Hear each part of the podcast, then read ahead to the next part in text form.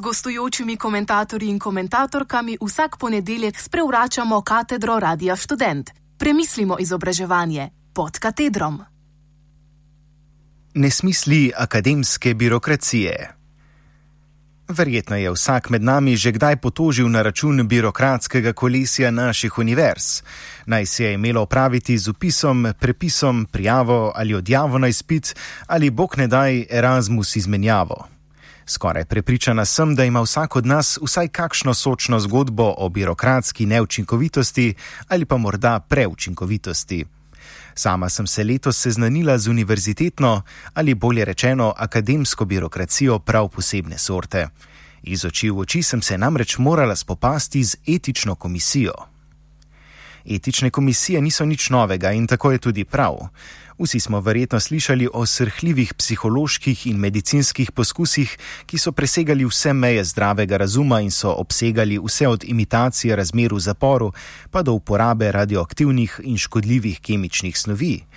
Takšni eksperimenti so predstavljali pobudo za ustanovitev etičnih komisij, ki so zadolžene za preverjanje morebitnih etičnih težav ob izvedbi takšnih ali drugačnih raziskav. Etične komisije naj bi zagotavljale, da udeležencem raziskav niso prizadejane nikakršne fizične ali psihološke bolečine.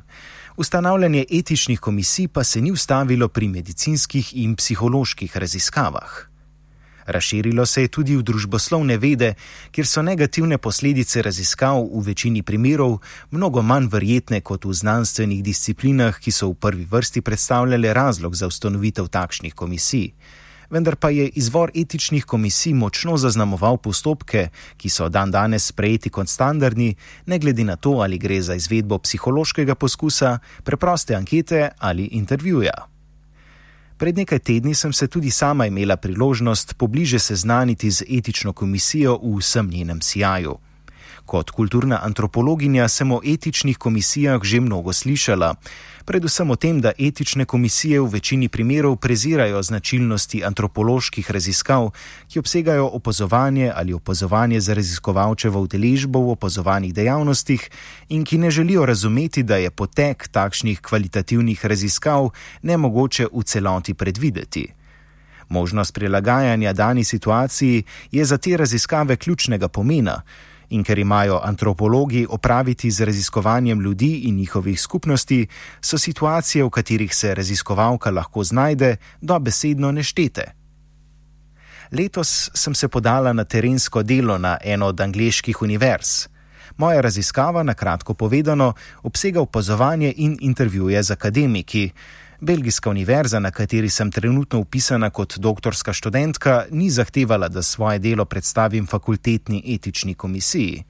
Lahko si predstavljate moje veselje, ko sem bila tri dni pred predvidenim začetkom raziskave obveščena, da z opazovanjem in intervjuji ne morem začeti, preden ti niso odobreni strani etične komisije univerze, na kateri naj bi raziskavo opravila. V trenutku, ko sem slišala poved, morala boš oddati vlogo etični komisiji, sem v želodcu začutila veliko kepo. Ne zato, ker bi se bala ali celo zavedala, da bi udeležencem raziskave lahko prizadejala bolečino v kakršnikoli obliki. Ne, po vsem, kar sem slišala o etičnih komisijah, je kepa v želodcu izvirala iz mojega iskrenega strahu pred to institucijo in neskončno birokracijo, skozi katero se bom morala prebiti.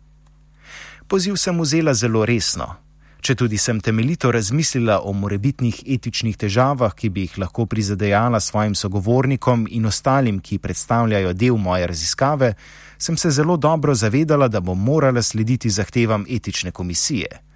Če bi namreč raziskavo začela brez predhodne odobritve lete, bi to predstavljalo dejanje akademske nepoštenosti in morebiten bridek konec moje akademske kariere, še preden se je ta sploh začela. Izhoda torej ni bilo, Če sem želela začeti z raziskavo, sem se morala podrediti sistemu in postati ena izmed njih. Žal so se vsa moja pričakovanja o delovanju etične komisije uresničila. Teden dni sem preživela z izpolnjevanjem vloge ter dodatne dokumentacije. Ta je v bodaji obsegala 43 strani in zajemala vse od natančnih opisov, kako bom zagotovila, da nihče od udeležencev raziskave ne bo prisiljen v sodelovanje, da nikogar ne bom opazovala brez njihove vednosti, da bodo imeli udeleženci pravico pogleda v zbrane podatke, da si bodo intervjuvanci imeli pravico izbrati prostor, kjer bo intervju potekal, saj mora raziskava zagotavljati 100-odstotno zaupnost, pa vse do tega, da moja raziskava ne bo vključevala proučevanja nevretenčarjev, razen navadne hobotnice. Poleg tega mora vloga, kolikor je mogoče, natančno predvideti vse mogoče situacije, v katerih se bo raziskovalka more biti znašla. Če se na obzorju pojavi situacija, ki je nisem uspela predvideti pred začetkom raziskave, je vlogo treba dopolniti in ponovno oddati. Sama sem v mesecu dni to storila že dvakrat, saj se je na primer izkazalo, da bom na nekaterih sestankih morda opazovala posameznike, ki niso zaposleni na univerzi. In ker sem prvotno zapisala, da bom opazovala zgolj zaposlene na univerzi, je bilo vlogo treba dopolniti.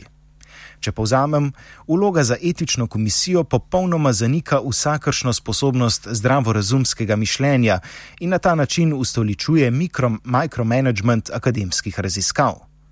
To bo more biti povzročilo opuščanje določenih vrst raziskav, saj se akademiki nočejo spuščati v pekel etničnih komisij in raje izberejo teme, pristope in metode, ki so z tega vidika neproblematični. Ne zanikam, da je priprava vloge za etično komisijo imela tudi nekatere pozitivne strani.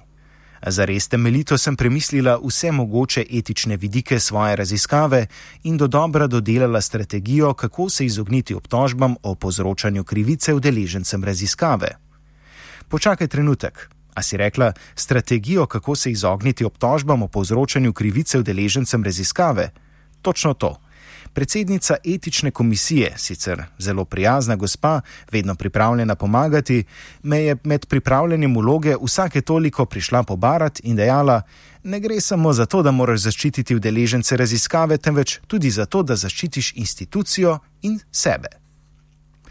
Bodimo pošteni. Bolj ali manj gre zgolj in samo za zagotavljanje, da si je institucija, ki me trenutno gosti, oprala roke za vsakršno morebitno krivdo. To je povsem jasno, sploh če vemo, da etična komisija ne spremlja poteka moje raziskave in se zaveda, da ji nisem dolžna predstaviti končnega izdelka, na podlagi katerega bi lahko identificirali morebitne etične prekrške. Začetek moje osebne kalvarije je bolj ali manj sovpadal z izidom nove knjige o birokraciji antropologa Davida Graeberja z naslovom Utopija pravil, ki sem jo z veseljem vzela v roke, da bi svojo izkušnjo postavila v širši kontekst. Tudi Greber prepoznava, da se akademiki spreminjajo v birokrate in tako gre pravzaprav za boj akademika proti akademiku. Situacija se zdi precej bizarna, saj bi si mislili, da bodo akademiki sposobni ustvariti postopke, ki bodo resnično odsevali potrebe raziskovalcev in udeležencev raziskav. Namesto tega etične komisije s svojimi trenutnimi standardi formalizirajo in reducirajo raziskovalno dejavnost. Po Greberjevem mnenju je to značilnost vseh birokratskih procesov, saj ti vedno stremijo k poenostavljanju družbene realnosti. Posledično, če tudi so birokratski postopki ustvarjeni v povsem benevolentne namene, bodo v vsakem primeru proizvedli nesmisle, kar definitivno velja za primer etičnih komisij. Birokracija je, po besedah Greberja, prva in edina družbena institucija, ki sredstva za dosego nečesa obravnava kot popolnoma ločena od tega, kar naj bi dosegli. Vendar pa se pravilom in zahtevam birokracije le težko izognemo, če želimo doseči svoje cilje. Kot je Greber pojasnil na enem od svojih predavanj, najhujše pošasti niso tiste, ki te ubijajo, temveč tiste, ki te spremenijo v njih same, vendar v šibke mini verzije samih sebe. Zdi se, da akademski svet korak za korakom spreminja v svet pošasti, kjer vse bolj vladajo birokrati. Ti grizejo vse, kar leze in gre, ter s tem zanikajo vrednote akademske svobode, ki dopuščajo neuniformiranost in zaupajo presvoji posameznika. Če akademiki želijo še naprej početi to, kar jih veseli in v čemer blestijo, morajo torej tudi sami postati šibke verzije prav tistih pošasti, ki bi se jim radi uprli. Komentar je pripravila Meta Group.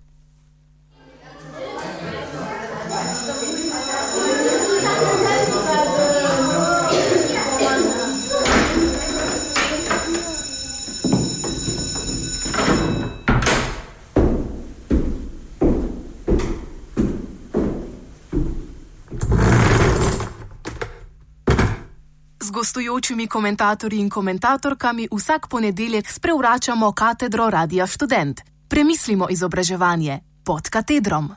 Nešto novo, nešto divlje, študent radio.